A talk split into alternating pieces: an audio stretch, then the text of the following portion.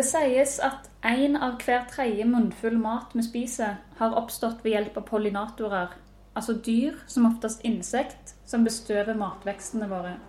En sånn påstand er ikke lett å verifisere, men det er liten tvil om at insektene spiller en veldig viktig rolle i naturen omkring oss, og i jordbruket. I denne episoden av Vestlandsbonden skal vi få høre mer om honningbier, og hvordan de hjelper oss med å få bedre avlinger.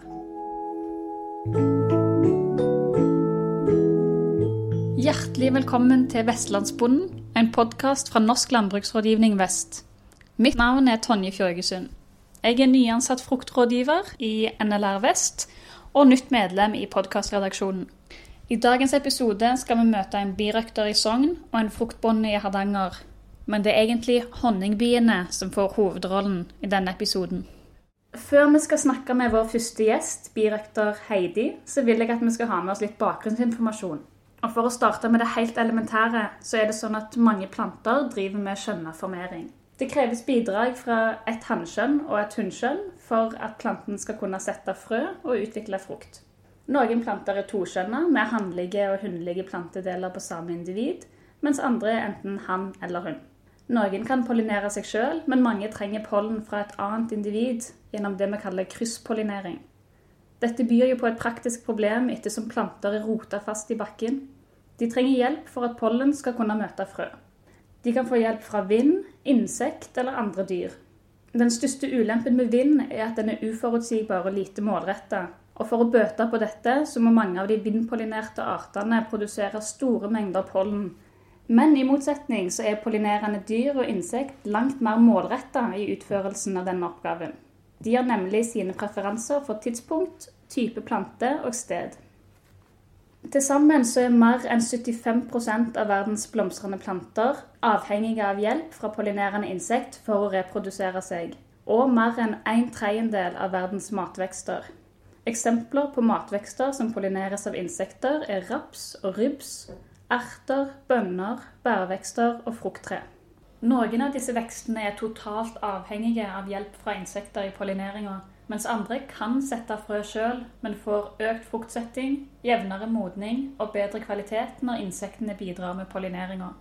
Så med dette i bakhodet så skal vi nå få med oss ei som kjenner biene sine vaner og behag bedre enn de fleste. Og med det så vil jeg ønske velkommen til Heidi Eiken. Ja, takk for det.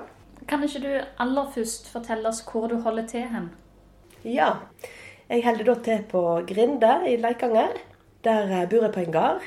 Og der har vi sauer, og der har jeg jo da masse bikuber.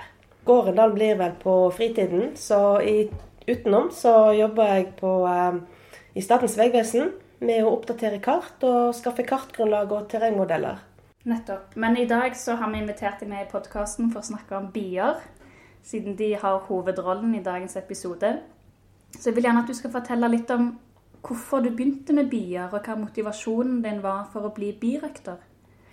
Ja, når jeg eh, kom her til uh, Leikanger, så um, hadde, vi en nabo der som jeg bor nå, som hadde bier. Og jeg syntes det var veldig interessant og spennende. Og en dag så tok jeg rett og slett kontakt med han. Han var en eldre mann da.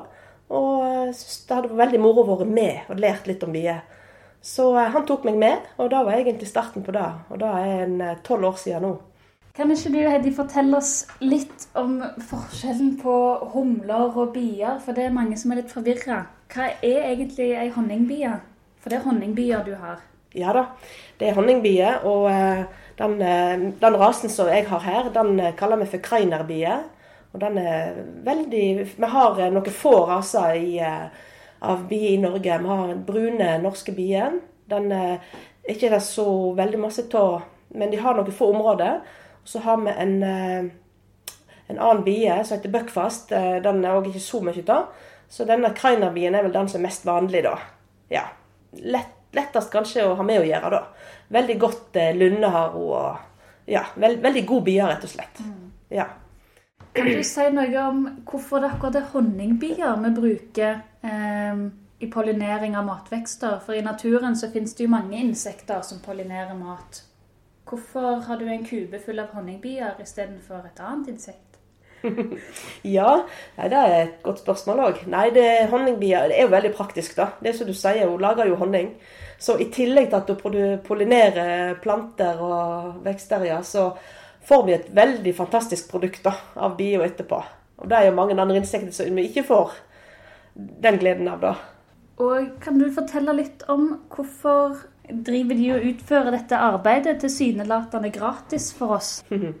Ja, nei, Biene de eh, må jo eh, sanke pollen eh, for å skaffe mat til larvene sine. Så um, det er veldig masse protein i pollen, og det er veldig viktig. og Spesielt nå på våren. Nå kommer biene til å fly ut og finne alt de kan av, av det som pollinerer. Og det er jo mye treslag nå da, som vil være de første som selger, f.eks. De bruker pollenet til seg sjøl, og så nektar henter de òg fra mm. blomstene. Ja. Av nektaren så lager de da honning.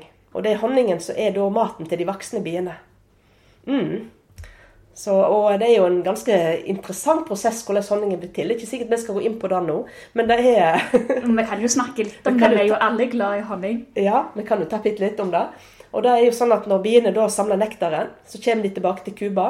Og så leverer de nektaren over til en annen bie. Så har, du vet, Biene de har jo da ulike roller i ulike stadier i livene sine. Så noen bier de er hjemme og steller i kubba, og noen er ute.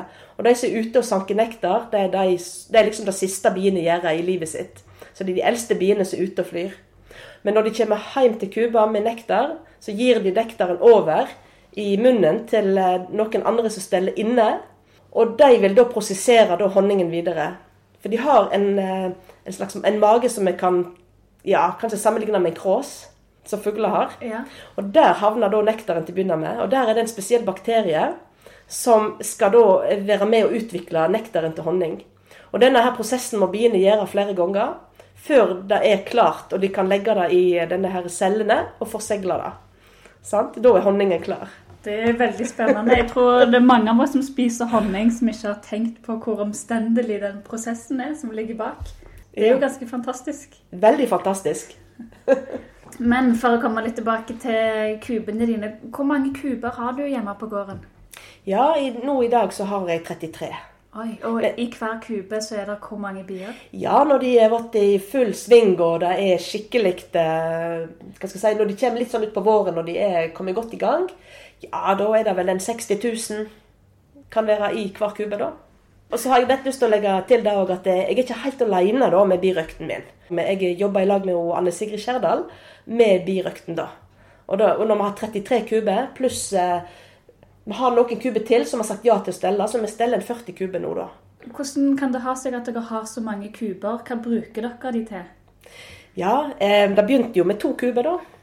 Og eh, så var det, det litt rart, men eh, for, eh, det er ikke så vanskelig å utvide. Så da ble det et par nye kuber hvert år. Til slutt så ble det såpass mange at vi tenkte at nei, nå ble det litt mye både honning og bier. og hva skal vi gjøre nå? Er det hobby lenger, eller er det begynt å bli næring? Mm. Så vi tenkte at nei, vi får ta steg over og, og prøve oss på næring. Næringsbirøkta. Så eh, da er det greit å ha et visst antall eh, med kuber. Og da er det jo da utleie av bier til pollinering. Som er da eh, litt viktig for å få spredd kubene rundt omkring. da. Ja. For det begrenser seg litt hvor mange du kan ha på én plass. Det er for masse. Jeg kan ikke ha 33 kuber stående i min hage. Nettopp. Det er ikke nok planter rundt til at biene har ja, Så du er òg litt avhengig av frukthagene som et hjem til biene? Ja, mm. absolutt er det. Så, og matfat. Ja. Mm. Så her er det viktig å få spredd de rundt omkring. Så, og eh, det er litt interessant for flere bønder som jeg har snakka med som har leid bikube. De sier at de ser stor eh, forandring i eh, utviklingen av eh, frukt. Altså de får mye mer frukt etter de har begynt med bier. Og det er veldig interessant. Hvem er det som leier kuber av dere? Er det først og fremst frukt- og bærbønder? Ja. Vi har vel hatt noen andre henvendelser òg, men uh, det er ikke så mange. Så det er stort sett de som har frukt, ja. ja. Det er vel fordi òg vi befinner oss i frukt- og bærdistriktet Sogn. Det har en god forklaring. Ja. ja. Har du opplevd noen forandring i etterspørselen av kuber? Altså er det Leier du ut like mange nå som før? Får du flere henvendelser nå enn du gjorde tidligere? Mm. Eh, jeg må si da at eh, når jeg begynte å legge ut kuber, det har ikke jeg gjort hele tiden. Så det er vel eh, Ja, det er vel de siste ja, kanskje sju årene jeg drev på med det. Og det har egentlig vært eh, mange som har spurt, og jeg har måttet sagt nei til mange. For jeg har ikke hatt nok kuber.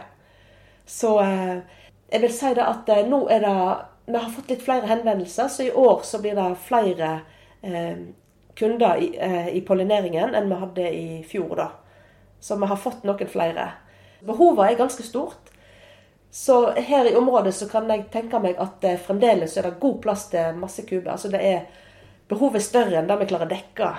Det er i hvert fall rom for flere bykuber her i Sogn. Det er det. Ja. Absolutt. Ja. Hvis dere får mange henvendelser fra fruktbønder som ønsker kuber, så vil dere ikke spre det for tynt heller, for man trenger gjerne et visst antall kuber for at det skal gi god effekt i frukthagen. Ja, jeg vet at det finnes noen tabeller som sier at hvis du har så så masse mål med visse typer frukt og bær, så, kan, så anbefaler de så og så masse bier, f.eks. Men eh, nå eh, tar, er det de som leier kuber, som sier sjøl hvor masse de vil ha, da. Så eh, De som leier kubene, Ja. sier det sjøl. ja, de sier hvor masse de eh, kan tenke seg å ha da i eh, Ja. feltet. Vi kan jo komme med en anbefaling at uh, vi tror at du trenger så og så mange, og så er det opp til deg da hvor de vil. Mm. Så, men det er noe bedre uansett å ha én kube ekstra i tillegg til de ville på nattene f.eks., enn å ikke ha noe, da. ja. Så Det er jo interessant som du sier, at dere får tilbakemelding fra dyrkerne at, at de ser effekten av å ha kuber i felt. At de får bedre avlinger. Og de betaler vel litt for å leie kuber òg, så da må de jo oppleve at de får igjen for det. ja da, det, det koster eh, litt å leie det Eh, Vi skal jo da reise og stelle de på eh, der som de står òg hele sommeren, og tilkjøring og sånne ting. Kan jeg spørre deg hva det koster å leie en kube for en sesong? Ja, vi tar ca. 1000 kroner for en kube. Og inni en kube så er det omtrent hvor mange bier? Ja, da har du vel en 60 000 eh, bier da. Så ja. Det varierer jo litt sant? hvor store felt de har med forskjellig. Og så er det da at eh, du har ulik bløming til de ulike sortene til ulik tid. Så du kan òg legge ut kuber f.eks. i et morellefelt. Og når det er ferdig, så kan du flytte de til et bringebærfelt. Så kan du pollinere da to ganger. Med samme kube eller samme bil? Ja. Mm, Så da kan du legge den ut på en måte to ganger.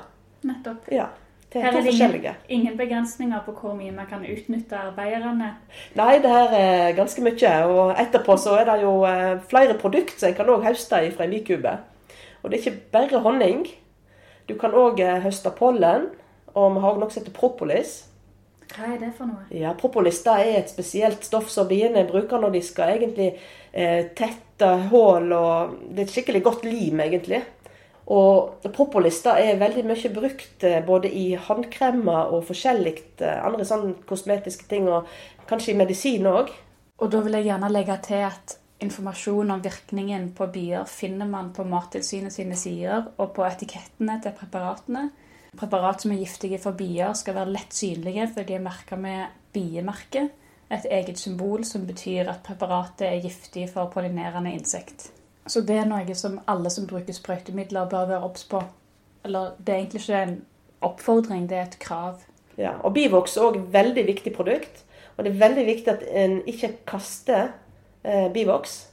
Eh, det er veldig viktig å få den gjenvunnet. Altså at vi leverer det inn til de som kan da smelte det og lage nye voksplater. Det er noe vi bruker i kubene når vi skal fornye voksen. da. Mennesker har jo prøvd å etterligne den prosessen å lage voks, men de får det ikke til. Så det eneste som kan lage sånn voks, er biene. De er virkelig fascinerende skapninger, disse biene. De er veldig fascinerende. Det er et uh, eget univers. Ja. Det er det. Ok, men for å komme litt tilbake til frukt- og bærdyrking og de som leier bikuber, kan du fortelle litt om hva som skjer etter en bonde har Må de hente kubene sjøl, eller kommer dere og leverer de? Og hele den prosessen fra noen får en kube i frukthagen, og gjennom sesongen til dere henter biene igjen. Mm. Ja, de som ringer og bestiller, de trenger i grunnen ikke gjøre så mye mer. så eh, vi er ute da til den som bestiller, så ser vi hvor hen beste plasseringen til kubene. Og når vi har vært enige om det, så eh, gjør vi resten.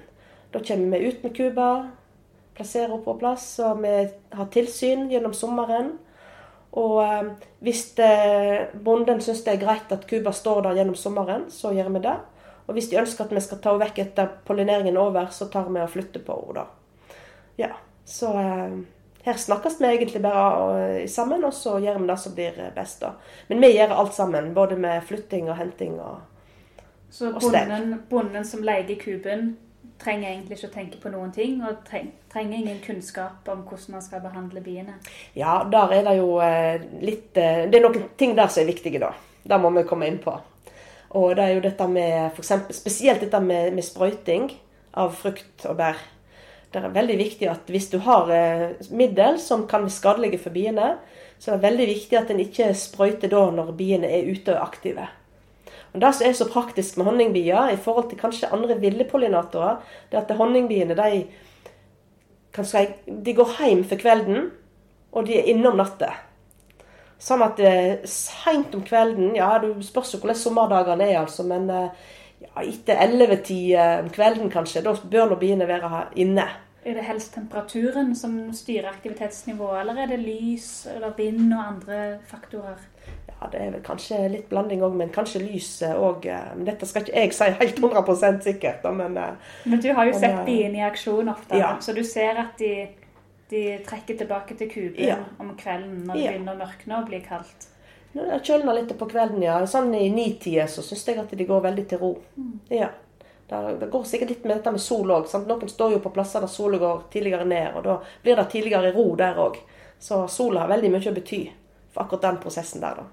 Så, så de som skal ut og sprøyte med noe, de må helst sprøyte om natta. Utenfor arbeidstiden til biene. Ja. det er best.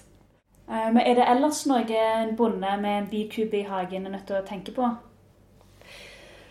Hvis han vil ha mest mulig utbytte av eh, biene i pollineringen, som de helst vil, da, så er det litt lurt å eh, slå, slå sånne vekster som en ikke ønsker at biene skal gå på. Som f.eks.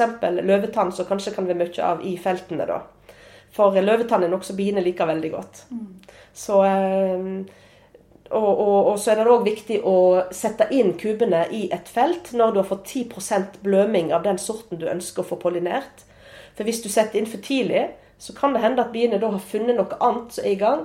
Og hvis biene først har begynt å pollinere på en type vekst, så holder de seg der til de er fornøyde. Før de begynner på neste. Så her er det å være litt sånn i riktig tid òg. Nettopp.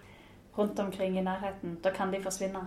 Ja, da kan de bruke mer tid der, så får du litt mindre da, pollinering i den veksten du ønsker å få pollinert.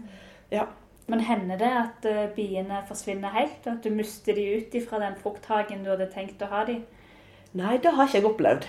Så eh, de, har vært der hele tiden, ja. Og så på slutten av sesongen så henter dere de. Ja, vi pleier å ta en runde og sanke inn eh, honningen først. Og eh, når det da er tid for å sette de der så de skal stå over vinteren, så henter vi de hjem. På vinteropplag, da. Ja. Og hva skjer med biene om vinteren? ja. Eh, om høsten så er det Vi, nå, vi tar jo og sanker inn honningen. Nå tar ikke vi absolutt all honningen fra biene, så de har litt, grann, men de har ikke nok til hele vinteren. Så da gir vi de sukkerlake. Og da eh, behandler de nett som om de lager honning. Så da vil de legge det inn i eh, disse her cellene i tavlene sine i kuba. Og da har de mat gjennom vinteren. Og eh, når vi har gitt da bikubene eh, sukker, som de skal bruke til vinterfôr, blir, og det blir kaldt ute, så vil biene samle seg i en, en klump inni kuba. Og da vil dronningen befinne seg i midten, for den er veldig viktig at de holder varm. For hvis dronningen får for kald temperatur, så kan denne sæden bli ødelagt. Og da legger hun ikke befrukta egg lenger. Og da vil samfunnet til slutt gå til grunne hvis ikke hun får legge befrukta egg. Så det er veldig, veldig viktig. Så det gjelder å holde dronningen varm. Ja. Hele vinteren. Nettopp. Ja. Og det driver de med nå. Nå er vi en dag helt til slutten av mars. Det er fin vårsol, men ganske kaldt. Ja da, det er nok veldig mange bier som fremdeles eh, passer godt på denne dronningen. Men det er òg veldig mange bier som allerede nå er ute. Og de er nok ute og speider etter hva er å finne nå. Så eh, nå er de begynt med ja, å komme litt i gang, da. Så med en gang det blir varmere i været, og de finner masse pollen, da er dronningen i gang, altså. Og de har en veldig god temperatur inni ei kube. Så de er fantastiske hvor de klarer å eh, holde temperaturen oppe. Og de bruker vingene sine, kroppen, til å generere varme. Ja. Når du sier at det våres og dronninga snart er i gang, Da mener du ikke at du forlater kuben? Nei, dronningen hun forlater ikke Cuba. Hvis dronningen forlater Cuba, da er det noen ting som har skjedd. Enten så har biene fått for liten plass. Eller, altså, da, det, det, det, er rett og slett at de, dronning, hvis dronningen flyr, da kaller vi at hun svermer. De, eh, de, har rett og slett ikke arbeid, kanskje. Det er kanskje det mest vanlige. At det blir forfulgt. Og så, så eh, flyr, flyr, de. Men det kan òg hende at eh, de rett og slett skal bytte dronning. Og da reiser kanskje den gamle, men da tar ikke hun med seg så mange bier. Hvis det er et sånt skifte, da. Så, men hvis du har en ordentlig sverming, der du har, biene har for liten plass, de har ikke noe å gjøre på. Hvis biene er arbeidsløse, så reiser de. Nettopp. Så det er veldig viktig å passe på at biene ikke går tom for arbeid. Altså at de eh, sier at de har fulgt alt fullt med honning. Mm. De har ikke mer plass å lagre. De kan ikke lage flere bier. Nei, da ferier de. Så eh, arbeidsledighet er ikke bra for bier. Nei, det er veldig sterk arbeidsmoral. ja. Men eh, med det så tror jeg jeg sier tusen takk for at du ville dele historier og kunnskap om bier med oss. Det var veldig spennende. Så tusen takk til deg, Heidi. Ja, takk for meg, og takk for at jeg fikk komme.